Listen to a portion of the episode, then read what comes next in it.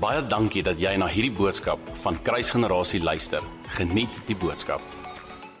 Maar nietemin, ek hoop jy het jou Bybel hier, ek hoop jy het 'n notaboek hier. Ons gaan so 'n bietjie in die woord kyk. Daar is iets wat ek op my hart het as jy op Facebook ons volg en sou jy gesien het dat vandag se boodskap is getiteld kontrasterende realiteite. Ehm um, want ek is doodoortuig dat elke een van ons eintlik elke dag op 'n plek is waar ons kontrasterende realiteite in die gesig staar. Um ons hoor dit en ons sien of ons hoor iets, maar ons sien iets anders. Ons lees iets, maar ons sien iets anders. Ons beleef iets, maar ons sien iets anders. Um, daar's kontrasterende realiteite die hele tyd en ek wil so 'n bietjie gesels daaroor. So asseblief maak bietjie notas, is ongelooflik belangrik die oomblik wanneer ons by skrif is dat ons seker maak ons sekere goed neerskryf veral wanneer die Heilige Gees iets op jou hart druk sodat jy weer kan teruggaan daarna en lekker kan gaan mediteer daarop. Sagaria 4 vers 1 tot 2 staan daar die volgende. Sagaria 4 vers 1 tot 2. En die engel wat met my gespreek het, het teruggekom en my gewek soos 'n man wat uit die slaap opgewek word en hy het vir my gesê wat sien jy? Jeremia 1 vers 11 Verder het die woord van die Here tot my gekom en gesê wat sien jy Jeremia? Amos 7 vers 8 Toe sê die Here vir my wat sien jy Amos Jesegiel 47 vers 6. En hy het vir my gesê, "Het jy dit gesien, mensekind?" Reg deur die woord van God vra die Here die heeltyd vir sy profete, "Wat sien jy?" Dit is interessant dat hy vra hulle ook, "Wat sien jy Amos? Wat sien jy Jeremia?" Kan ek jou vandag die vraag vra, "Wat sien jy?" En jy kan jou naam daarin sit as jy wil. Maar wat sien jy? As jy na jou lewe kyk, wat sien jy? As jy na jou kinders kyk, wat sien jy? As jy na jou finansies kyk, wat sien jy? As jy na jou huwelik kyk, wat sien jy? As jy om na jou omstandighede kyk, wat sien jy? As jy kyk na die beloftes wat God oor jou lewe spreek, wat sien jy? sien jy wat God sien? Of sien jy met jou fisiese oë? Jy sien want ons moet op 'n plek wees as gelowiges waar ons onsself leer En hierdie is nie 'n normale ding nie, glo my, want ons het baie te doen met gelowiges. Hier reg rondom jou sit met gelowiges. En die kans is baie goed dat jy vandag dalk gesels het oor Eskom en gelukkig is daar nou nie load shedding vandag nie en um oor die reën wat geval het of oor die ekonomie of oor wat aangaan in Middelburg by die besighede en al hierdie dinge. Dis ongelooflik maklik om letterlik te kan sien wat in die fisiese riem aankom en dis baie moeilik om letterlik te kan sien wat God sien. Jy sien maar elke gelowige, ek, jy wat hier sit vandag en die van julle wat luister op livestream op Facebook, dis ongelooflik belangrik vir ons om te kan sien wat God sien. En daarom wil ek jou profeties vra, as die Here vandag voor jou moes staan in hierdie plek en hy moes vir jou vra, wanneer jy kyk na jou lewe, wat sien jy? Wat sal jou antwoord wees? En jy kan met jouself eerlik wees. Jy kan sê, Here, ek sien nie wat U sien nie. Ek weet wat u woord sê. Ek weet wat u beloftes sê. Ek weet wat my geloof veronderstel is om te sê, "Jog, Here, maar ek ek sien dit nie." Weet partykeer is ons binne situasies en omstandighede en ehm um, die Here kom byvoorbeeld en hy gee vir ons 'n woord of hy gee vir ons 'n belofte en die oomblik wanneer daai woord en daai belofte na ons toe kom, dan is ons ongelooflik opgewonde daaroor en vir 2, 3 maande, dalk 6 maande, dalk selfs vir 'n jaar sien ons presies wat God sien die oomblik wanneer ons daaroor gesels. Soos byvoorbeeld laas jaar Desember, nee, nie laas jaar nie. 2018 Desember. Toe vra die Here, toe sê die Here vir my, "Jan, dis tyd om te bou." In 2019 het ons die bal in die rol begin kry om alles in plek te kry sodat ons kan begin bou. Wie van julle weet dat as jy by daai venster uitkyk, sien jy nie 'n gebou nie? Wie van julle weet dat die oomblik wanneer ek by daai venster uitkyk, sien ek 'n gebou.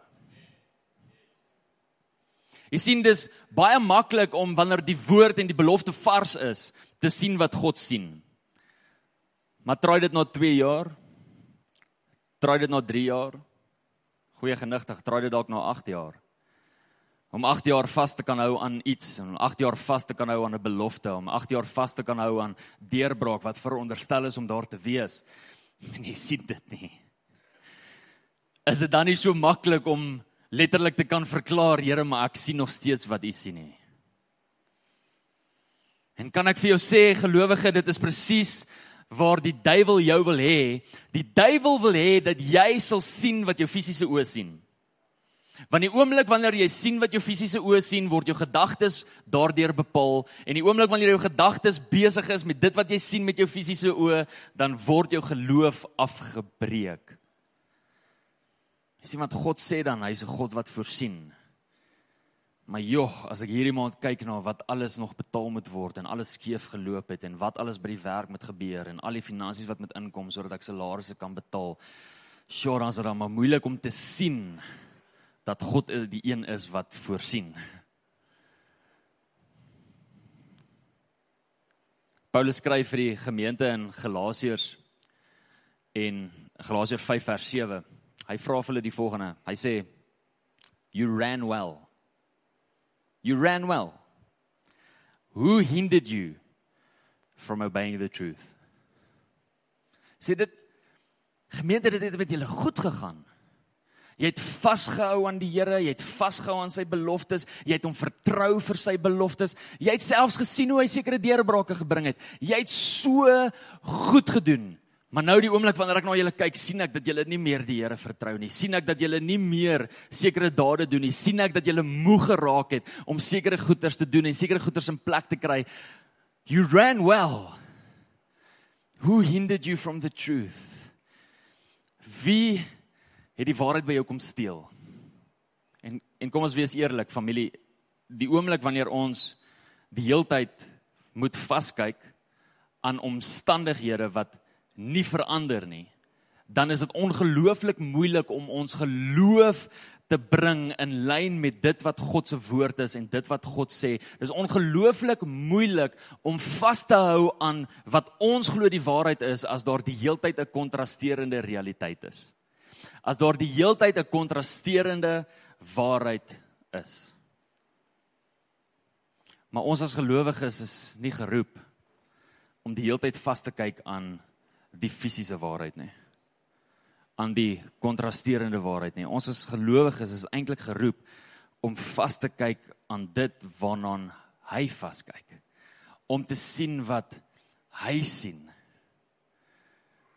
Wil sê ek het Saterdagoggend spandeer ek tyd met die Here en die Here kom wys vir my 'n prent en hy kom gee vir my woord vir hierdie gemeente en ek sien uit God se oë uit 'n prent van ons gemeente oor 5 jaar. En ek kan nie vir julle sê hoe opgewonde ek in my hart is nie. Ek sê vir die Here, ek het amper my preek verander. Letterlik. Ek het dit amper gepreek. Toe sê die Here vir my, nee, jy mag dit nog nie preek nie. So iewers gaan ons dit preek. Iewers sal ek dit vir julle bring. Ek weet ek moet dit met die leiers Woensdag het ons hartklop. Al die leiers wees asseblief daar. Ek gaan dit met julle deel. Ek wil ook vra ons intercessors. Ek wil julle nooi om Woensdag aand 07:30 saam met ons hier by die kerk te wees. Um ek wil hê jy moet die woord hoor. Ek wil hoor jy hê jy moet hoor wat sê die Here vir ons gemeente en waartoe ons op pad is. Maar dit is ongelooflik belangrik om te sien wat God sien Paulus sê vir die gemeente jy het jy het goed gedoen. Jy het God vertrou, jy het geloof gehad, jy het alles ingesit. Hoekom is die waarheid nou belemmer in jou gemoed? Hoe hoekom vertrou jy nie die Here meer vir die deurbraak nie? Hoekom vertrou jy nie meer die Here vir vir die genesing nie? Hoekom vertrou jy nie meer die Here vir die vir die voorsiening nie? En en ek weet ek is ek is ook 'n realist. Een van my vriende is ongelooflik meer optimisties as wat ek is. Partykeer sien ek ook die waarheid net raak. En ek weet, jy sit dalk hier of jy luister dalk en jy sê, "Maar Jan, jy weet nie hoe lank hou ek al vas nie." Jy weet nie hoe lank sit ek al in hierdie situasie nie. Jy weet nie hoe lank sit ek al in hierdie omstandighede nie. Jy verstaan nie hoe lank vertrou ek al die Here en dit het net nog nie gekom nie. En ek wens ek het vir jou antwoord gehad, want weet jy wat, elke een van ons se journeys verskil nie een van ons se se roete se pad wat ons stap is dieselfde nie. So kan ek vandag net vir jou sê dat elke een van julle se antwoorde gaan anders lyk. Maar wat ek vir jou kan sê is dat as gebed nie jou fondasie is vir die deurbraak om te kom nie, gaan jy nogal lank wag. En wat ek ook vir jou kan sê is as jy nie leer in die seisoen wat God wil hê jy moet leer nie, gaan jy lank wag. Jy weet God vat 'n hele nasie binne in die wildernis in sodat hy letterlik hy het hy het Israel uit Egipte uitgekry, maar hy het nie Egipte uit Israel uitgekry nie. Hy vat vat hulle binne in die wildernis in sodat hy Egipte uit hulle uit kan kry. Sodat hulle gedagtegang kan verander. Maar een keer is hulle op 'n plek waar hulle gedagtes begin verander nie. As hulle gedagtes reg was, kon hulle nie in die beloofde land inbeweeg het, maar dit was nie reg nie. Jy sien as jou gedagtes nie reg is nie, sal jy nooit kon ontvang wat God vir jou wil gee nie. As jou gedagtes nie reg is nie, sal jy nooit in 'n nuwe seisoen kan stap nie, want as jy in 'n nuwe seisoen instap met 'n ou gedagtegang, dan gaan jy jou nuwe seisoen wil heers met 'n ou gedagtegang en dan gaan jy dit smash, want 'n nuwe seisoen verwag 'n nuwe gedagtegang. En hoe langer jy vat om te leer wat God jou wil leer in hierdie seisoen, hoe langer gaan jy in daai seisoen wees of Jy sal nooit in jou nuwe seisoen ingaan nie. Jy weet daar was 'n hele generasie wat uitgesterf het in die woestyn. Omdat hulle nie bereid was om te leer nie, behalwe 'n paar manne. Ek dink aan die naam van Joshua en ek dink aan die naam van Caleb. Hulle gedagtes was reg. Jy sien wat hulle het gesien wat God sien. Hulle het nie gesien met hulle fisiese oë nie. Ek wil hê jy moet saam met my blaai na Matteus 14 toe. Ek wil graag ietsie met ons hier deel. Matteus 14 is 'n ongelooflike insiggewende hoofstuk. Dit begin met die met die onthoofding van van Johannes die Doper wat Jesus se neefie is. Dis waarmee dit begin. En dit begin deur die feit dat dat Jesus hier die nuus kry en die oomblik toe hier Jesus hier die nuus kry toe affekteer hierdie nuus hom natuurlik soos wat sulke nuus elke een van ons sal affekteer. Die oomblik as jy hoor dat luister jou neefie se kop is afgekap, jou familielid se kop is afgekap, dit gaan jou affekteer. Maar Jesus is op 'n plek waar die oomblik toe hy dit hoor, soos daar 'n skare en toe kon hy nie na sy persoonlike gevoelens, sy persoonlike emosies terugtrek nie. Hy moes eers die volk, die die hele skade bedien. En daar sien ons dat die vermeerdering van die brode plaasvind. En na die vermeerdering van die brode sal jy sien dat Jesus vir sy disippels sê terwyl die hele skare nog daar is, sê hy vir sy disippels, die woord van God sê hy dwing hulle om in die skei te klim en om na die ander kant toe te vaar. En toe hulle in die skei klim en na die ander kant toe vaar, het Jesus die skade verdaag en vir hulle gesê hulle kan gaan en Jesus onttrek om te gaan bid. En die woord van God sê en toe dit donker word, toe is Jesus alleen. En julle sal nou sien hoe lank Jesus gebid het. ons het hierdie jaar ehm um, het ons 'n paar geleenthede, eintlik 4, waar ons bietjie in die nagtye gaan gaan bid in die nagtelike ure van 12:00 tot 6:00, 12:00 die, die aand tot 6:00 in die oggend gaan bid hier by die kerk. En ons sien dat Jesus ongelooflik baie in daai tye gebid het. Maar nietemin ek wil vir julle hierdie lees want wat toe nou volg op die vermeerdering van die brode is die gedeelte waar Jesus op die see loop en ek weet die oomblik wanneer ons daarna kyk dan het ons dit al gelees en ons het teen teen al 'n preek daaroor gehoor. Maar Heilige Gees, ek vra U is die een wat die woord gegee het. Mag hierdie woord oopgebreek word vir elke een van ons vandag en mag U nuwe lig kom wys op dit wat hierdie woord vandag vir ons gee. Vers 24 lees ek vir julle. Ek gaan hierdie hele gedeelte lees want dit is belangrik, maar ons gaan lees en praat en lees en praat en lees en praat. 24 En die skuit was al in die middel van die see, getuister deur die golwe, want die wind was teen hulle. Die Engelse vertaling, die New King James sê the wind was contrary. Met ander woorde, Jesus sê vir hulle klim in die klim in die skei.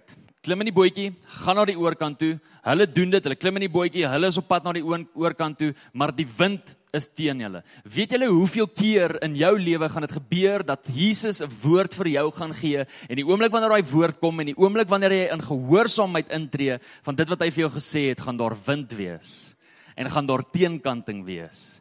Want dit is presies hoe dit werk in die geestelike riem. Die duiwel wil nie hê dat jy in die vervulling van daardie woord kom nie, maar God wil hê dat jy in die vervulling van daardie woord kom. En dadelik is hulle op 'n plek waar die wind kontrasteer kontrasterend is teenoor waantoe hulle op pad is. En terwyl hulle daar is, is eintlik unfair want wie het vir hulle gesê hulle moet oorkant toe gaan? Wie het hulle wie het vir hulle gesê hulle moet in die boot klim? Jesus het. En nou is hierdie arme disippels ons sien as ons die Bybel lees dat hulle in die boot geklim het toe die son nog geskyn het. En in die middernagtelike ure in die donkerte is hulle nog steeds nie aan die oorkant nie. En hulle is besig om te spook in die wind teen goed wat na hulle toe kom. Sjoe, ek het al soveel keer gesien dat wanneer die oomblik wanneer ons deurbraak kom is gewoonlik die oomblik wanneer ons in 'n donker tyd is en die wind is op sy ergste is die oomblik wanneer Jesus opdaag op 'n manier wat ons nooit verwag het hy sal opdaag nie. Vers 25. Maar in die 4de nagwaak, wie van julle weet in die Bybelse tyd was die die aande opgedeel in 4 seksies. En die 4de nagwaak is die tyd van 3 uur die oggend tot 6 uur in die aand, ag in in die oggend, so 3 uur tot 6 uur. So Jesus het gebid vanaf die son ondergang het tot en met omtrent tussen 3 uur en 6 uur, kom ons sê 4 uur. Tot en met 4 uur toe, deur die nag, het Jesus gebid. Sy arme disippels het op die water geklim toe die son geskyn het en by 3 uur 4 uur se kant in die middel van die nag is hulle nog steeds op daai boot besig om te spook. En uh ek weet nie wie van julle nie maar jog, ek kan met dit relate. Ek kan relate hoe die Here met my gesels het, hoe die Here met my praat en hoe die Here vir my 'n woord gee en hoe die Here vir my 'n belofte gee. En as ek weer sien, voel dit vir my donker en dit maak nie meer vir my sin nie, want ek is seker hy is die een wat vir my gesê het ek moet dit doen, maar terwyl ek nou besig is om te doen wat hy vir my gesê het ek moet doen, is dit nag en die wind waai en die golwe is groot en die mense wat saam met my is in hierdie boot is ongelukkig en hulle wil nie meer roei nie en hulle wonder maar het Jesus dit regtig gesê en moes ons regtig na die oorkant toe gegaan het? En as hy dit gesê het, hoekom is hy nie hier nie? Ek kan dit relate.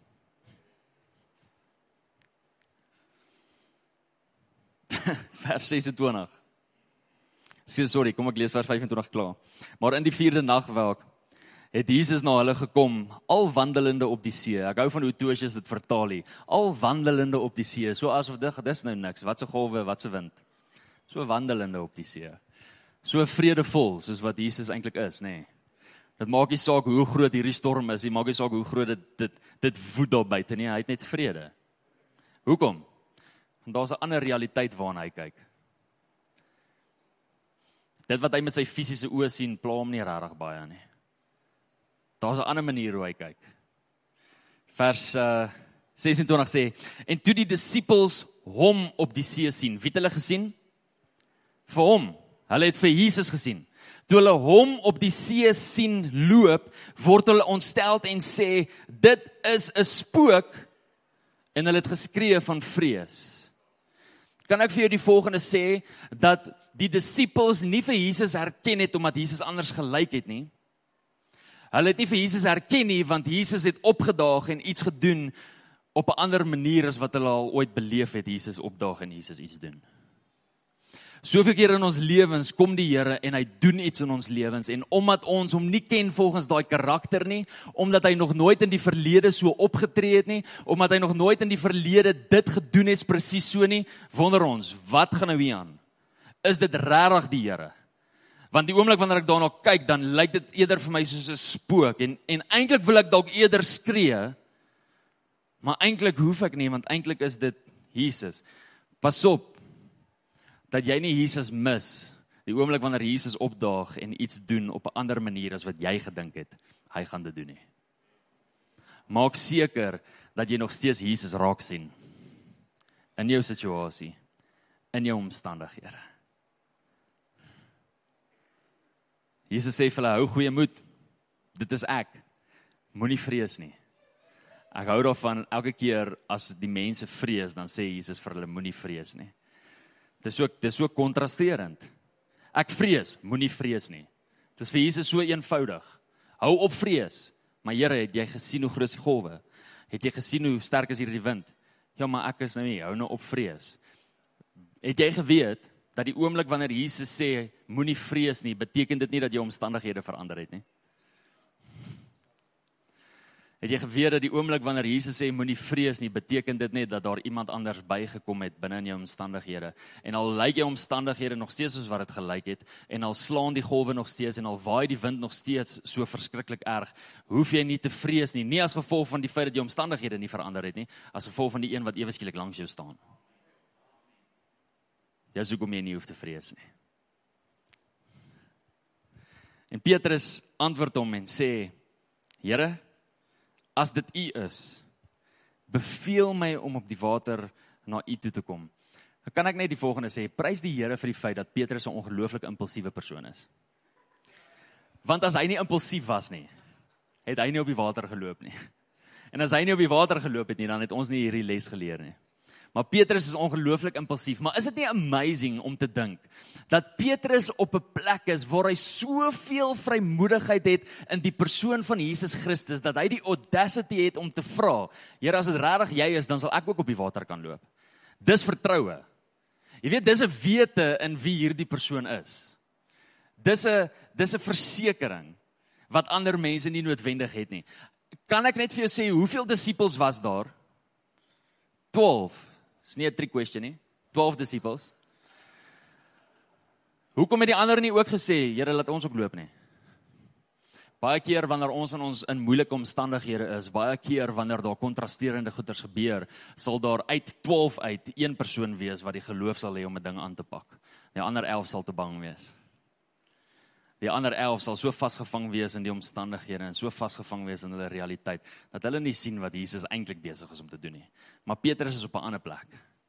Hy sien en hy vertrou. En hy sê, Here, laat ek ook op die water loop. En weet julle wat's amazing? Jesus sê nie vir hom, "Nee Petrus, jy's nie seun van God nie. Jy kan nie op die water loop nie. Bly net daar, dis simpel. Wat wat dink jy?" Jesus onder sy geloof. Kan ek vir jou die volgende sê? Baie keer in jou geloofsjourney het jy nodig om in groot geloof uit te tree want die Here eer groot geloof. As Petrus nie groot geloof gehad het nie, sou hy nie op die water geloop het nie. As Petrus nie groot geloof gehad het nie, het Jesus hom nooit uitgeroep nie. Jy het nodig om groot geloof te hê in jou omstandighede. Jy het nodig om groot geloof te hê die oomblik wanneer daar iets voor jou staan, om groot geloof te kan hê en om letterlik te kan sê Here, ek kies om op U te vertrou in plaas van om op hierdie ding te vertrou en toe te laat dat hierdie my intimideer. Geloof. En hy Jesus sê vir hom: "Kom." Net een woord. Kom. Wow. Jy weet Jesus gee nie vir hom 'n klas oor hoe om op water te loop nie. Jy weet nog nooit in die geskiedenis, nog nooit ooit ooit, never ever ever, nooit never ooit nie. Het iemand al ooit op water geloop nie? Nog nooit. En hier kom Jesus en hy loop op water. Wie van julle weet dis nie normaal nie? En hier's Petrus en hy sê vir die Here: "Here, as U my beveel en as dit U is, laat ek laat ek kom." En al wat Jesus vir hom sê is: "Petrus, kom." Jesus sê nie vir hom Petrus, "Oké, okay, jy gaan nou kom nê, nee, maar onthou nou, jy moet nou hierdie tipe geloof hê en jy moet aan hierdie skrifvers dink en die oomblik wanneer jy jou voet oor hierdie randjie sit en jou voet die water raak, dan moet jy mediteer op hierdie skrif die hele tyd, want as jy nie daarop gaan mediteer nie, dan gaan jy begin sink." Jesus gee nie vir 'n crash course 101 oor hoe om op water te loop nie. So interessant dat ons as gelowiges altyd iemand wat siek is staan voor ons En nou soek ons 'n crash course oor hoe moet ek nou vir hierdie persoon bid wat nou siek is voor my? Sien wat ek is seker ek moet nou eintlik die salfolie vat en dan moet ek nou 'n kruis op die persoon se voorkop trek of so iets. Ek weet nie of dit die katolieke is wat dit doen of die pinkstermense dit doen nie. Ek is super onseker want ek het dit nog nooit gedoen nie. En en nou weet ek nie wat moet ek spreek en wat moet ek sê en moet ek nou vra of moet ek nou beveel of hoe werk hierdie storie nie. En Jesus is net op 'n plek waar hy net een woord sê. Hy sê kom En daardie woord is vir Petrus genoeg. Die oomblik as jy weet wie Jesus is, is een woord vir jou ook genoeg. Dan hoef jy nie arm te draai nie. Dan hoef jy nie te smeek nie. Dan weet jy wat sy hart is. dan weet jy wat hy spreek. En dan is dit vir jou genoeg. Kom. En Petrus het uit die boot uit geklim en om na Jesus toe te loop, sê die woord. Maar ons almal weet wat gebeur het, nê. Nee. Petrus het die wat gesien. Petrus het die wind gesien. In die begin het ons gesien dat die wind is kontrasterend teen hulle. Die wind is teen hulle vir waantoe hulle op pad is. En Petrus het die geloof gehad en die impulsiwiteit gehad. En hy het gereageer op een woord en hy het uitgeklim en hy het begin loop. Maar die woord sê en toe sien hy die wind. Weet jy hoeveel keer misgelowiges die beloftes van die Here omdat hulle uit die begin in die begin uitklim uit die boot uit en hulle oë hou op die beloftes maar die oomblik wanneer iets kontrasterend teenoor die belofte voor hulle staan is hulle oë nie meer gefokus op die belofte nie is hulle oë nie meer gefokus op die koning nie en Jesus ag ekskuus en Petrus het begin sink Die woord sê dat die oomblik toe Petrus uitroep, toe Jesus by hom en hy steek sy hand uit en hy haal hom uit die water uit. En wat het Jesus vir hom gesê? Nee, jo Petrus, well done. Jy het 3 tree gestap. Nie een van die ander disippels het kans gehad nie. Nie een van die ander disippels wou uit die boot uit klim nie. Well done. Dankie dat jy my vertrou het. ja. Wat sê Jesus vir hom? Klein gelowige. Ouch. Here, klein gelowige, nie een van daai frikkies het besluit hulle gaan dit doen nie. Ek het daarmee geloof gehad. Ek het daarom, jy weet, ek meen ek het uitgeklim en ek het 3 tree gestap of 4 tree gestap. Klein gelowige. Come on. Vertel hulle wat se Griekse woord vir klein gelowige daar? Ongevorderde geloof. Ongevorderde geloof. Kan ek vir jou die volgende sê? dat die oomblik wanneer jy die heel eerste keer uitstree in geloof, dan beter jou geloof van daar af groei. Jy kan nie in jou volgende stap met dieselfde geloof tree nie. Jou geloof moet vorder. Jou geloof moet groei. Die oomblik as jy op 'n plek wil wees waar jy die Here wil vertrou en jy het uitgetree in geloof en jy hou aan die Here vertrou op die geloof waarmee jy begin het, gaan jy ook op 'n plek wees waar hierdie omstandighede en dit wat teen jou kom en dit wat kontrasterend is, jou ook oorweldig want jou geloof is nog daar toe jy in die boot was. Jou geloof is veronderstel om te vorder. Jou geloof is veronderstel om te groei. Jou verloof is veronderstel om meer te word. Jy sien die oomblik toe Petrus uit die boot uit klim, toe moes daar iets anders binne in sy geloof gewees het want wow, hierdie werk eintlik. Ek loop letterlik op die water. Dit moes iets gedoen het in sy geloof, dit moes iets gedoen het in sy hart, dit moes iets gedoen het toe hierdie amazing response wat hy gehad het op een woord wat Jesus vir hom gespreek het, kom. Maar in plaas van die feit dat sy geloof gevorder het, het hy toegelaat dat die wind hom intimideer. Familie, kan jy kan jy op 'n plek wees waar jy ophou toelaat dat dit wat teen jou kom jou intimideer? kan jy op 'n plek wees waar jy steeds sien wat Jesus sien. Al is daar 'n wind wat teen jou is. Al is daar golwe wat teen jou is. Kan jy op 'n plek wees waar jy steeds gefokus is op die belofte van die Here? Kan jy op 'n plek wees waar jy die gedagtegang het van Jesus en nie die gedagtegang van 'n mens nie. 'n Normale mens nie. Wie van julle weet dat ons is nou kinders van God? En as gevolg daarvan moet ons anders dink. Sal jy asseblief nog twee skrifversies dan se klaar. Kolossense 3.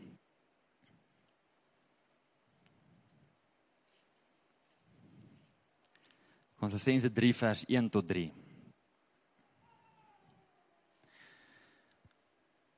As julle dan skryf Paulus van die gemeente van Kolosse.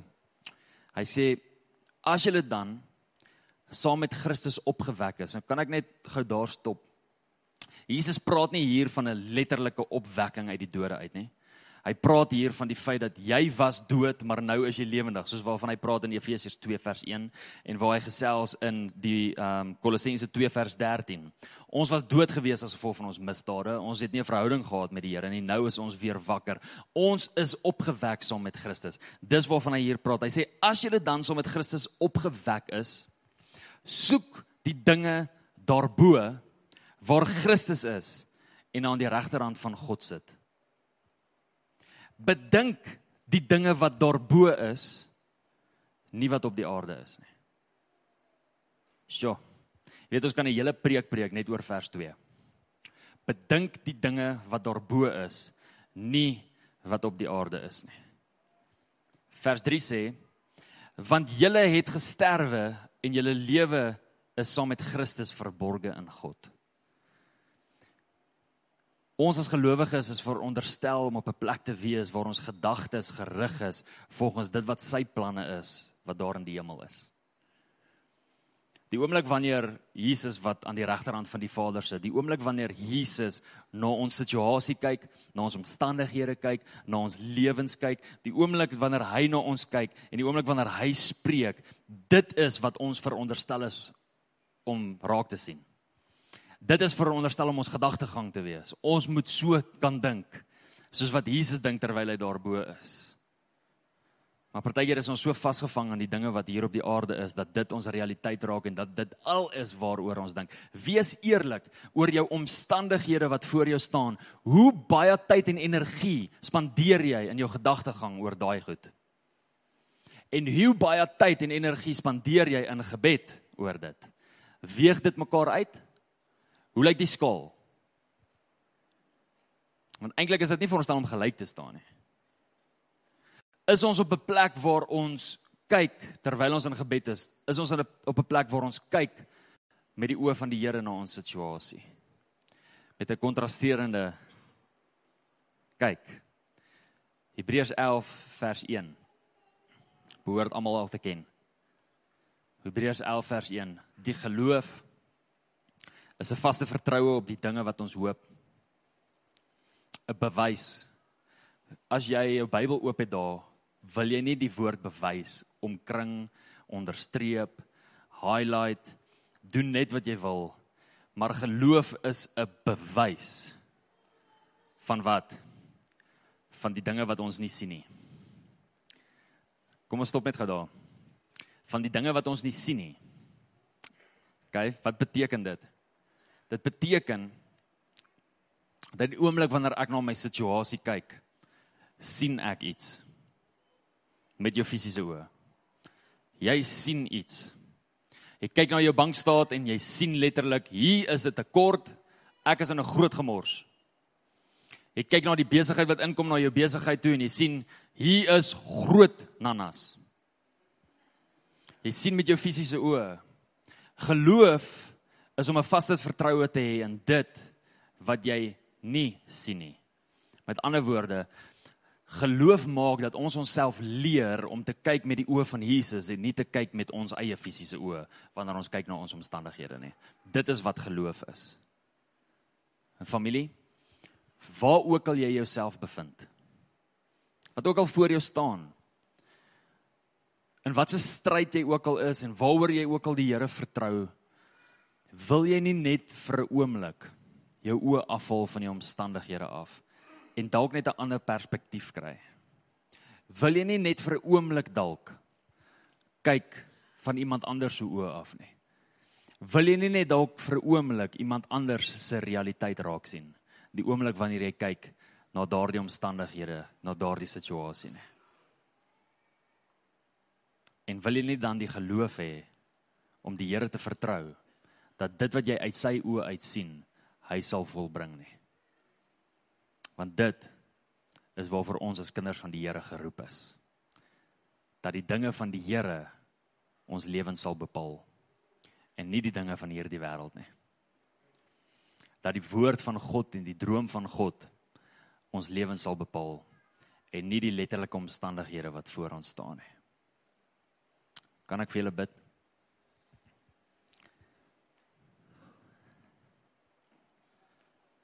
Vader. Here, ons is nie naïef nie. Ons weet dat in hierdie tyd in hierdie plek veral as daar so baie mense hier is, is daar altyd mense wat vas staar en kyk na 'n kontrasterende realiteit.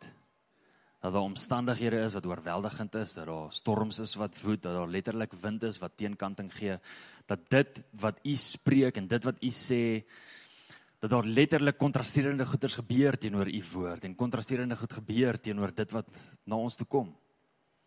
En Vader, my gebed vir elke persoon in hierdie plek is Here dat niemand moed sal verloor nie. Heilige Gees, maar dat U ons sal leer om uit U perspektief uit te kyk, om met nuwe oë te kyk. En die oomblik wanneer ons met nuwe oë kyk, Here, dat ons sal sien wat U sien. Die oomblik wanneer ek na my situasie kyk, die oomblik wanneer ek na my omstandighede kyk, dit maak nie saak wat dit is nie, dat ek sal sien wat U sien en dat ek deur die geloof 'n vaste vertroue het en sal weet dat daar 'n bewys sal wees van dit wat ek nie sien nie. Geloof is om vas te hou aan U, Here. Ek bid dat geen omstandighede en geen situasie so groot sal wees vir enige persoon in hierdie plek dat hulle U grootheid sal mis nie. Maar mag ons altyd op 'n plek wees waar ons sal besef dat die grootheid van God is altyd groter as enige situasie wat voor ons staan, is altyd groter as enigiets wat ons wil wil intimideer. Daar is niemand groter as ons koning nie. En Vader, ons kies om vas te kyk aan U en ons kies om om te luister aan dit wat U sê en te kyk na wat U vir ons wil wys. En as ons weer kan eindig, Here, met waarmee ons begin het. As U vir ons vra, wat sien jy? Here mag ons sien wat U sien. Daar terwyl jy nou daar so sit met jou oë toe, ek wil jy ek wil jy vra vra, dis ongelooflik belangrik om profeties te kan kyk na sekere situasies. Ek weet nie wat die omstandighede is nie, ek weet nie wat wat jou in die gesig staar nie. Jy weet en Heilige Gees weet. Ek wil jou die volgende geleentheid gee. Kyk na daai ding wat voor jou staan. En terwyl jy kyk na daai ding wat voor jou staan, vra vir Heilige Gees om jou perspektief te verander. Vra vir Heilige Gees om nou vir jou te wys wat hy sien. Vra vir die Here om jou nuwe oë te gee. Because we live by faith and not by sight. Ons as kinders van God sal nie lewe volgens dit wat ons sien nie, ons sal lewe volgens ons geloof. Ons sal lewe volgens dit wat God spreek. Ons sal lewe volgens dit wat God sê, volgens dit wat God sien. Laat Heilige Gees toe net om oomblik lig op jou situasie te gooi.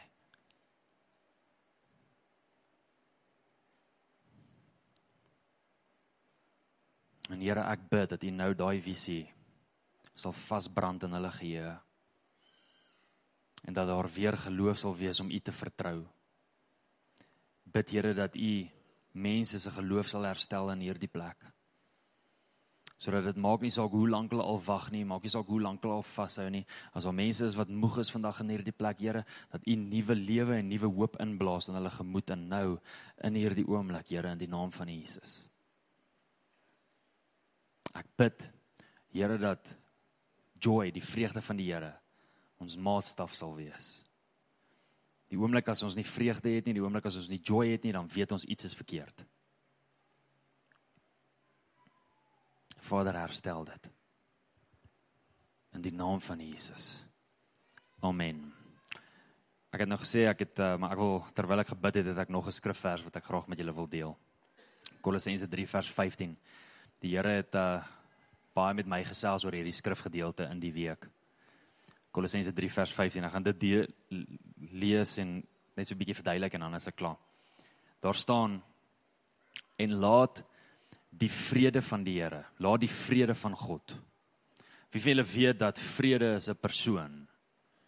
As jy 'n studie gaan doen oor vrede, dan sal jy sien dat vrede is Jesus. Hy is die the prince of peace. Dis wie hy is. Laat die vrede van God waartoe julle ook in een liggaam geroep is. Hoor wat sê hy? In julle harte heers. kan ek die volgende verklaring maak? Die oomblik wanneer die vrede van God nie meer teenwoordig is in jou hart nie, dan is daar iets anders wat heers in jou hart. Die woord van God sê hier, laat die vrede van God in jou hart heers. Met ander woorde, laat toe dat vrede op die troon sit. Laat toe dat vrede heel eers op jou gedagtegang is. Moenie toelaat dat jy jou vrede verloor nie, want die oomblik wanneer jy jou vrede verloor, beteken dit iemand anders sit op die troon. Iemand anders is in beheer. Iemand anders sit op jou hart. En as dit jy is, as jy jou vrede ver, verloor het, is dit jou verantwoordelikheid om vir die Here te sê, Here, ek is jammer. Verwyder hierdie ding en kom sit U op hierdie troon, want net U net U verdien om op hierdie hart te sit. Net U verdien om op hierdie troon te sit. Laat die vrede van God in julle harte heers in die naam van Jesus.